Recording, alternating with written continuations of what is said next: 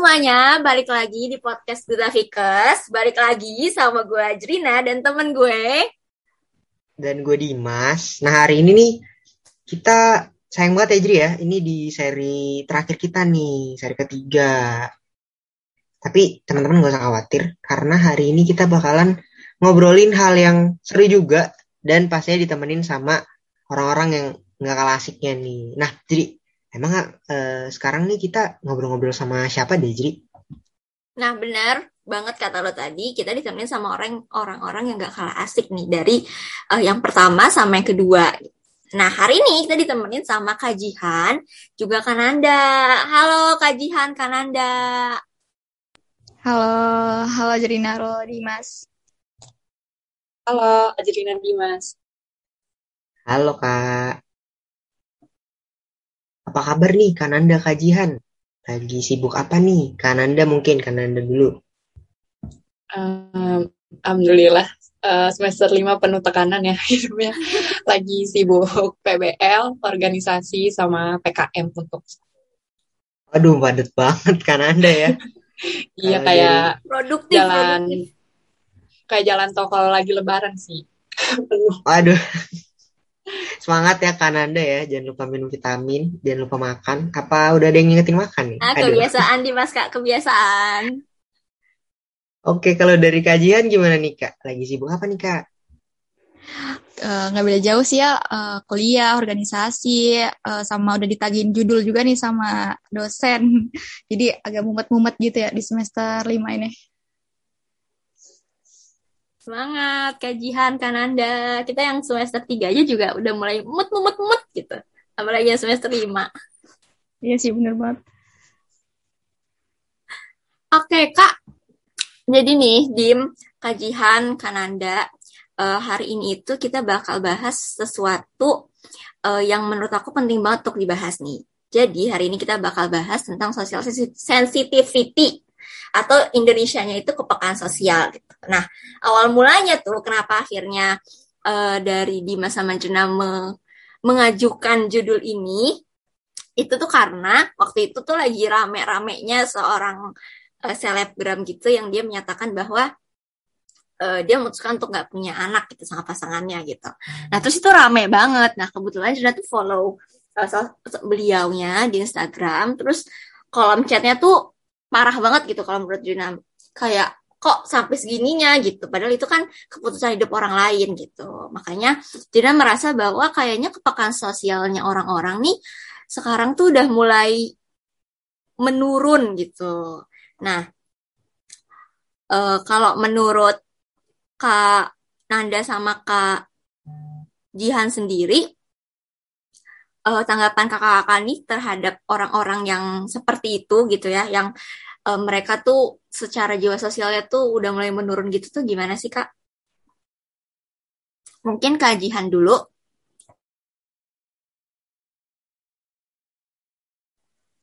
Oke, okay. uh, uh, tanggapan aku ya, uh, setiap orang itu kan benar sih kata kamu tadi tuh, setiap orang tuh punya keputusan hidupnya sendiri. Jadi uh, setiap keputusan itu nggak selalu kita tuh harus minta persetujuan dari uh, orang lain gitu.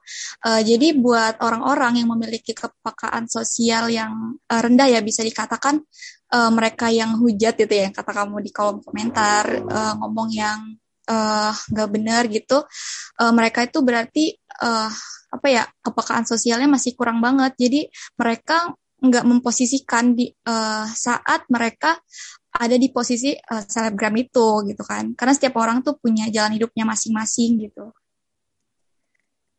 Nah ya benar banget tadi kata kajian setiap orang kan punya jalan hidupnya masing-masing. Kita punya hak untuk memutuskan hidup kita mau kayak gimana gitu. dan buat orang-orang yang secara jiwa sosialnya itu rendah gitu yang mungkin kalau dibilang ikut campur ya ikut campur ya tapi tapi ya ya gitu. Seperti terlalu melampaui batas gitu. Padahal itu kan kayak uh, ada bordernya lah gitu terkait kehidupan seseorang nah kalau Kananda sendiri gimana kak? Hmm, iya setuju banget sih sama yang tadi Ajrina sama Jihan udah jelasin terkait kepekaan sosial apalagi di sosmed ya mungkin kayak karena dampak pandemi juga gak sih? Jadi mereka pekerjaan jadi hidupnya komenin hidup orang lain.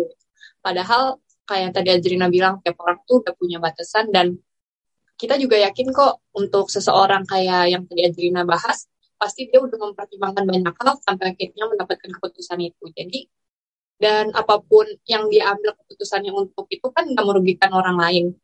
Uh, buat orang-orang yang ngurusin hidup orang lain sih mungkin kayaknya dia harus dikasih kerjaan kuliah kita semuanya biar punya kerjaan gak cuma ngurusin hidup orang aja gitu. Oke, bener sih, bener. Mungkin karena ya itu, uh, gak ada kesibukan gitu ya, jadi kayak mencari-cari hidup orang lain gitu. Karena emang aku pernah baca quotes juga sih, ini bahasa Inggris gitu tapi aku lupa yang ngomong siapa. Tapi uh, inti kalimatnya itu kalau misalnya kita nggak bahagia sama hidup kita kita tuh pasti mencoba untuk ikut campur urusan orang lain gitu. Karena kita ngerasa hidup orang lain itu lebih asik gitu. Nah tapi kak kalau lebih lanjut gitu ya. Uh, kita seseorang yang uh, terlalu ikut campur masalah, masalah orang lain gitu. Dia mereka uh, melampaui batas lah gitu. Orang-orang yang melampaui batas menurut kajian sama Kananda ini tuh faktor apa sih Kak yang melatar belakangi orang-orang seperti itu?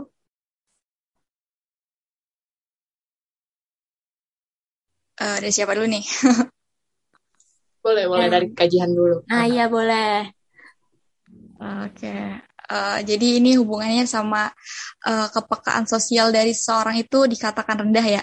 Uh, jadi kalau menurut aku uh, mereka kurang paham sama yang namanya kebermaknaan hidup gitu. Jadi uh, mereka lupa sama yang namanya uh, makna hidup. Mereka malah uh, melakukan hal-hal yang uh, apa ya bertentangan dengan itu. Habis itu uh, mereka nggak mikirin uh, gimana perasaan uh, seorang tersebut gitu. uh, jadi uh, yang dipikirin untuk kesenangan mereka sendiri ya ini gue seneng nih bisa komen-komen kayak gini ngehujat ngehujat gitu ya. Bisa dibilang tadi uh, bener ya kata Nanda gara-gara pandemi gitu. Uh, jadi orang punya hobi hobi baru gitu hobi uh, ngomentarin orang gitu tanpa mikir uh, perasaan orang tersebut. Nah jadi uh, mereka nggak memposisikan uh, dirinya uh, jadi orang itu jadi orang yang diomongin itu gitu. Uh, mungkin bisa ditambahin sama Nanda Iya, benar yang tadi dari Jihan bilang ya, dia nggak pernah memposisikan dirinya seperti orang lain yang dia komenin itu pertama. Terus kedua mungkin dia juga kurang kerjaan, ketiga mungkin dia juga berlindung di balik kayak kan kita sekarang gampang banget ya komenin hidup orang hanya melalui sosial media. Jadi dia tuh cuman bilang ah ini sosmed bebas kok berpendapat. Kebanyakan tuh netizen kalau misalnya ada di pihak yang salah mengeluarkan kata-kata toh kan kita cuma berpendapat, tapi mereka tuh uh, tidak bisa membedakan mana yang berpendapat, mana yang mengkritik, dan mana yang menghujat gitu sih. Iya bener banget mereka eh, nggak uh, meli nggak apa ya nggak berpikir panjang gitu bahwa dampaknya tuh ada dari apa yang mereka lakuin tuh bisa mungkin bisa fatal ke orang lain gitu karena ya tadi melampaui batas gitu bahkan masuk ke eh, hal-hal uh, yang menurut saya pribadi tuh itu udah masuk ke hal-hal pribadi gitu yang sebenarnya kita tuh nggak nggak usah ikut campur gitu. Nah uh, selain itu kak, selain faktor-faktor yang tadi kakak-kakak udah sebutin, mungkin nggak sih kak bahwa posisi seseorang di masyarakat itu mempengaruhi kepekaan sosial mereka? Mungkin gantian Kananda? Eh, uh, mungkin nggak posisi seseorang di masyarakat itu mempengaruhi kepekaan sosial. Kalau menurut aku mungkin sih kayak semakin seseorang posisinya dipandang sama masyarakat entah secara sadar atau tidak mereka pasti pengen nampilin image yang apa ya yang bagus gitu di masyarakat yang bisa dijadiin contoh. Jadi kalau misalnya contoh kayak orang nih dikenal sekampung pasti dia mencoba gimana caranya dia menjadi teladan buat yang lain gimana caranya dia peka ngasih pertolongan ke sekitarnya dan tidak mencampuri urusan apa ya kayak mereka juga tahu batas-batasnya gitu. Kalau menurut aku pasti mempengaruhi si posisi seseorang di kehidupan bermasyarakat untuk memiliki kepekaan sosial. Mungkin dari kajian nih bisa tambahin. Oke, okay. uh, eh, sependapat ya sama Kananda. Jadi uh, untuk posisi seorang di masyarakat itu uh, mempengaruhi uh, kepekaan sosial.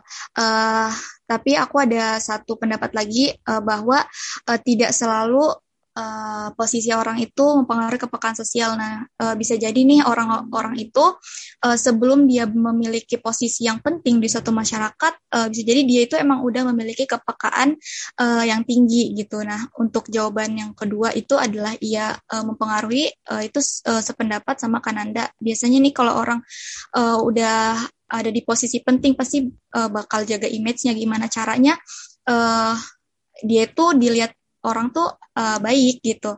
Dan untuk posisi penting itu sendiri uh, biasanya memaksa seseorang uh, mau tidak mau dia harus peka gitu sama lingkungan. Kalau enggak uh, sama sosial gitu. Kalau enggak ya gitu dia bakal dicap jelek gitu. Oke kak, berarti ya kurang lebih mempengaruhi lumayan gede ya orang-orang yang ya posisi orang di uh, sos, uh, di lingkungan mereka gitu ya. Karena ya, yang nggak bisa dibungkiri juga kali ya kak ya. Iya bener. Orang-orang tuh kadang-kadang kalau misalnya uh, udah di atas, yang karena yang ngelihat banyak gitu atau mungkin ya banyak lah yang memperhatikan dia tuh emang harus terpaksa peka dan ya terlihat on point gitu kali ya kak ya. Nah iya benar.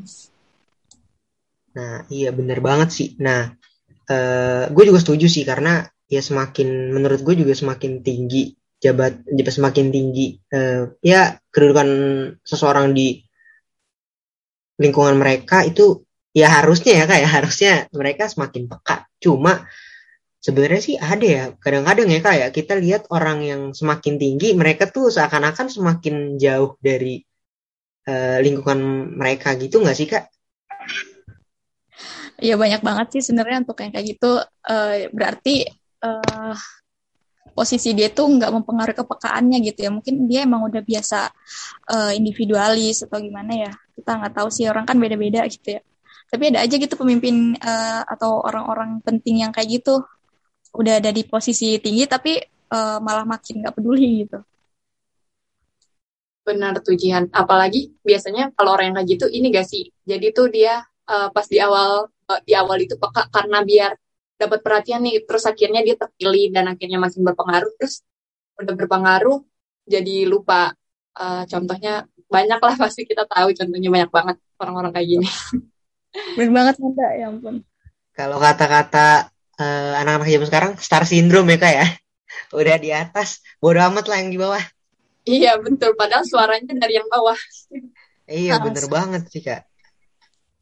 Nah ngomong-ngomong soal kepekaan sosial lagi nih kak kan sebenarnya sih gue uh, penasaran sih kena uh, hal apa gitu yang bisa mempengaruhi cara orang uh, bersosialisasi, bersosialisasi dan kepekaan sosial yang mereka milikin gitu. Karena kayaknya orang-orang tuh yang mempengaruhi beda-beda nggak sih kak? Kayak misalnya tadi ya kata kak Jihan Kananda jabatan tuh berpengaruh posisi dia tuh berpengaruh. Ada juga yang uh, ya dia biasa aja gitu orang orang biasa orang ya orang biasa gitu. Tapi kepekaan sosialnya tuh tinggi banget gitu. Mungkin dari Kak Jihan dulu kali ya Kak.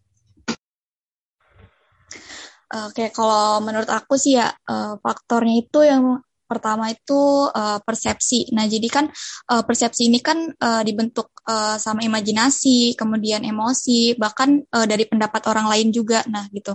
Jadi kita sendiri gitu yang menentukan kita tuh mau ngadopsi persepsi yang seperti apa sih gitu.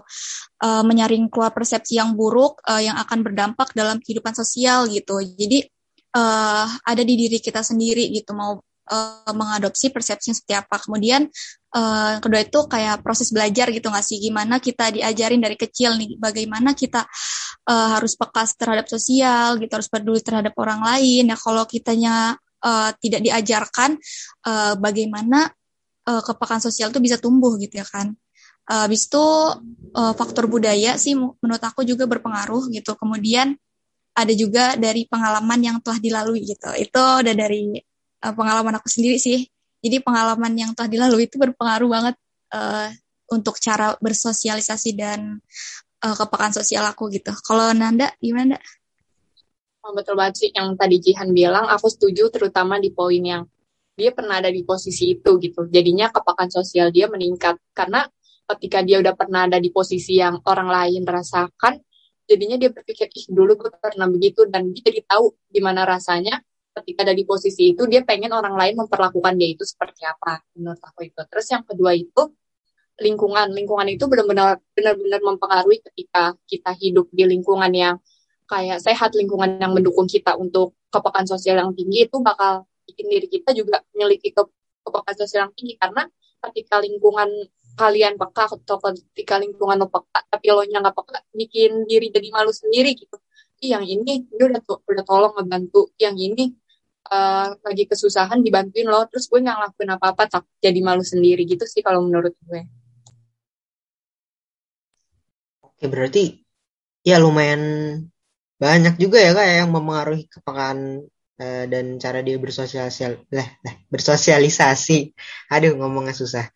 Uh, tadi ya bener uh, lingkungan dia dan mungkin dia udah pernah di posisi itu ya. Bener banget sih kak karena kadang-kadang tuh orang yang belum ngerasain posisi ibaratnya posisi susah gitu ya. Kadang-kadang orangnya batu ya kayak cuek-cuek aja gitu sama keadaan orang lain.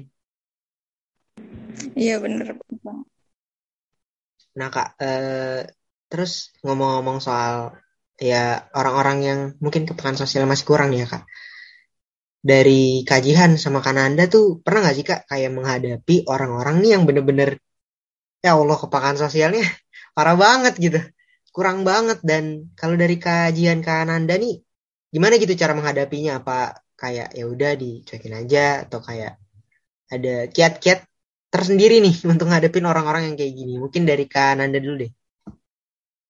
Hmm, kalau misalnya untuk orang yang pekan sosialnya rendah banget, kayak belum ada ya. Tapi kalau rendah ada, ada untuk beberapa yang udah ditemuin. Contohnya di dunia kuliah sendiri tuh pasti ada lah orang yang seperti itu.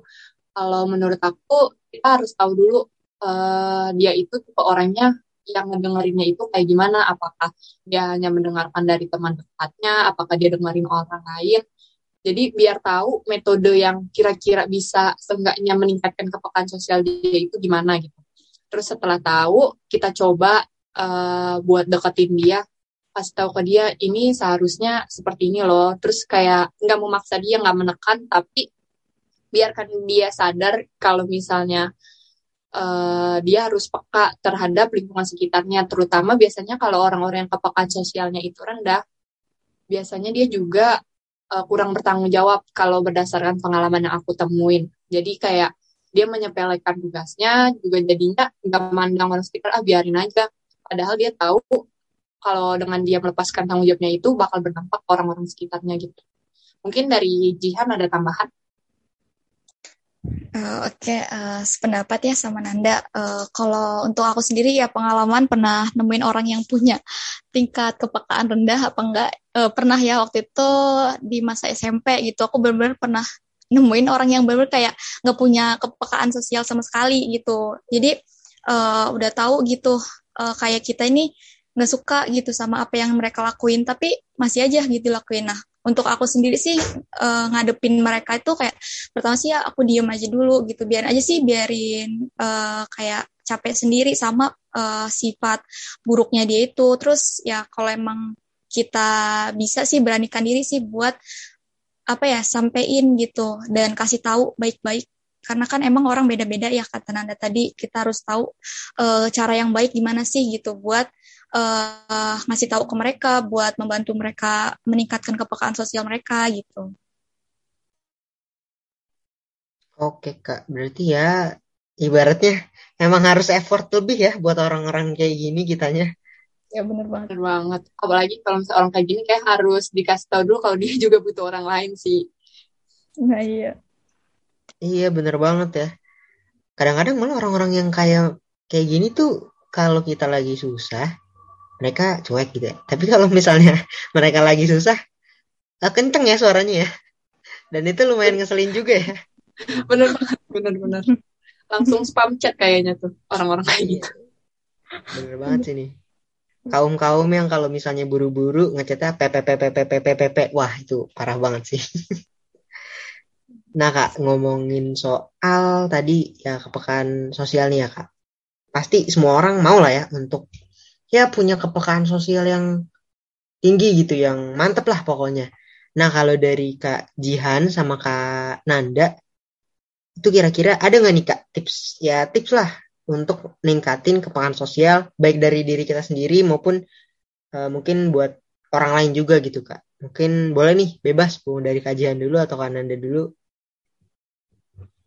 Uh, ini dari aku ya kayak buat tipsnya ya. Uh, kalau dari aku sih yang pertama itu uh, tanamin dalam diri kita ini bahwa uh, peka terhadap sosial itu adalah bagian penting dari uh, menjalankan kehidupan gitu. Jadi uh, kita harus buang jauh-jauh egois gitu rasa individualis kemudian uh, jauh anggapan bahwa uh, melakukan kebaikan itu uh, harus dilakukan uh, apa ya langsung ada balasannya gitu. Karena kan memang uh, apa ya sebaik-baiknya manusia itu adalah uh, yang bermanfaat bagi manusia lainnya. Jadi kita harus tanamin dulu persepsi yang benar gitu di uh, diri kita gitu. Uh, kemudian uh, buat yang kedua itu uh, apa ya tempatkan diri kita ini di posisi orang lain gitu, di posisi orang-orang yang susah gitu. Uh, karena dengan berempati itu uh, kita itu bisa memahami seorang uh, dari sudut uh, pandangnya dia gitu. Uh, jadi kita uh, bisalah uh, memperbaiki kepekaan sosial dari apa yang udah aku omongin tadi. Uh, kemudian ada nih uh, ibu aku pernah bilang uh, di saat kamu merasa bahwa diri kamu itu bisa apa-apa sendiri, nggak butuh orang lain, coba deh kamu ke rumah sakit, lihat deh di situ banyak orang-orang yang apa ya orang-orang yang kesusahan, sakit gitu kan bahkan uh, sampai ada yang nggak uh, punya kaki gitu segala macamnya. Jadi di situ bisa melatih uh, kepekaan sosial kita gitu rasa empati kita gitu. Kalau dari Nanda gimana Nanda? Jangan benar banget yang tadi yang disebutin aku setuju. Uh, mungkin juga mau nambahin tempatin posisi sebagai uh, orang yang kesusahan. Karena kalau misalnya kita udah mikir kayak gitu kita juga harusnya berpikir gimana kalau seandainya kita yang jadi mereka. Jadi menurut aku harus ada pola pikir uh, coba posisi diri jadi orang yang kesusahan itu dan ketika lo jadi dia lo pengen orang lain itu melakukan apa buat lo gitu. Terus selain itu juga banyakin bersyukur karena dengan bersyukur maksudnya dengan kita bersyukur tuh kita jadi tahu oh alhamdulillah kayak yang tadi Jan bilang ada yang nggak punya kaki. Kayak alhamdulillah kita punya kaki. Nah dari situ kita prihatin ke orang-orang yang mungkin kurang beruntung dari kita. Mungkin juga kita bisa ngasih bantuan karena uh, ada istilah yang kalau rezeki yang dititipkan ke kita itu nggak semuanya milik kita, tapi juga ada milik orang lain gitu. Nah, uh, terus selain itu juga sering-sering lihat lingkungan sekitar gitu. Jangan hanya berfokus pada diri sendiri, coba sesekali untuk melihat ke orang lain. Kayak coba uh, di lingkungan kecil kayak tetangga, ih tetangga hari ini uh, lagi ngapain ya, ada kesusahan nggak ya? Karena apalagi lagi pandemi kayak gini bener-bener dibutuhin uh, untuk tetangga tuh saling membantu sih. Karena kan uh, sekarang lebih banyak yang isolasi mandiri karena udah gejalanya udah nggak terlalu itu kan. Tapi uh, dari kemarin sih gue lihat di Indonesia sendiri karena pandemi ini kadang uh, ada dampak positifnya di mana meningkatkan kepekaan sosial untuk tingkatan di warga sekitaran RT gitu.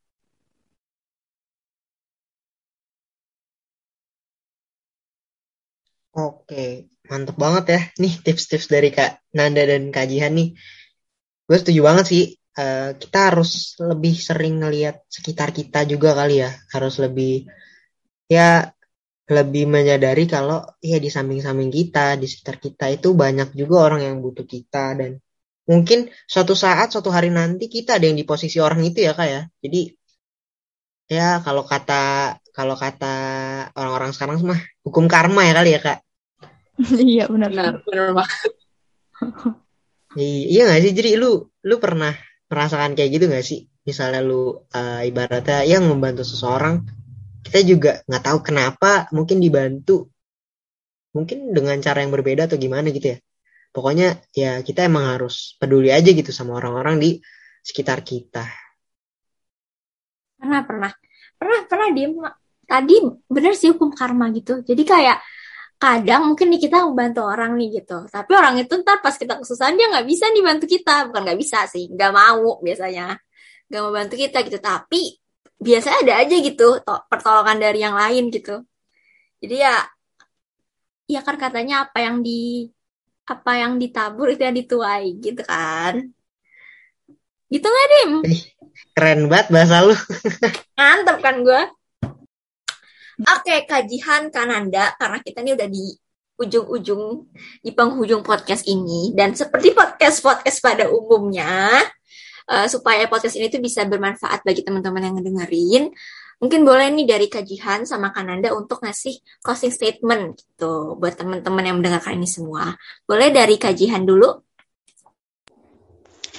Oke, untuk closing statementnya ini lebih ke pegangan hidup aku ya. Jadi uh, aku cuma menyampaikan uh, jangan pernah uh, berpura-pura buta, tuli, bahkan tidak bertangan uh, saat tadi yang membutuhkan bantuan. Udah, itu aja. Mantep, jangan pernah apa tadi kak? Buta, tuli, siapa lagi? Uh, bahkan tidak bertangan saat ada yang membutuhkan bantuan. Tuh guys, guys kan yang dengerin ini tuh jangan pernah buta. Keren banget ya kata-katanya ya. Berasa nongkrong sama anak indie nih, mantep banget deh anak senja, anak senja ini. Oke, okay. boleh Kananda? Duh, kayaknya susah banget nih closing statementnya keren banget kajian. Jadi minder. Oke, okay. mungkin buat teman-teman yang ngedengerin podcast ini uh, selalu peduli lingkungan sosial karena nggak ada yang tahu apa lo yang butuh dan siapa yang bakal bantu lo. Siapa tahu hari ini lo bantu dia dan masa depan dia bantu lo.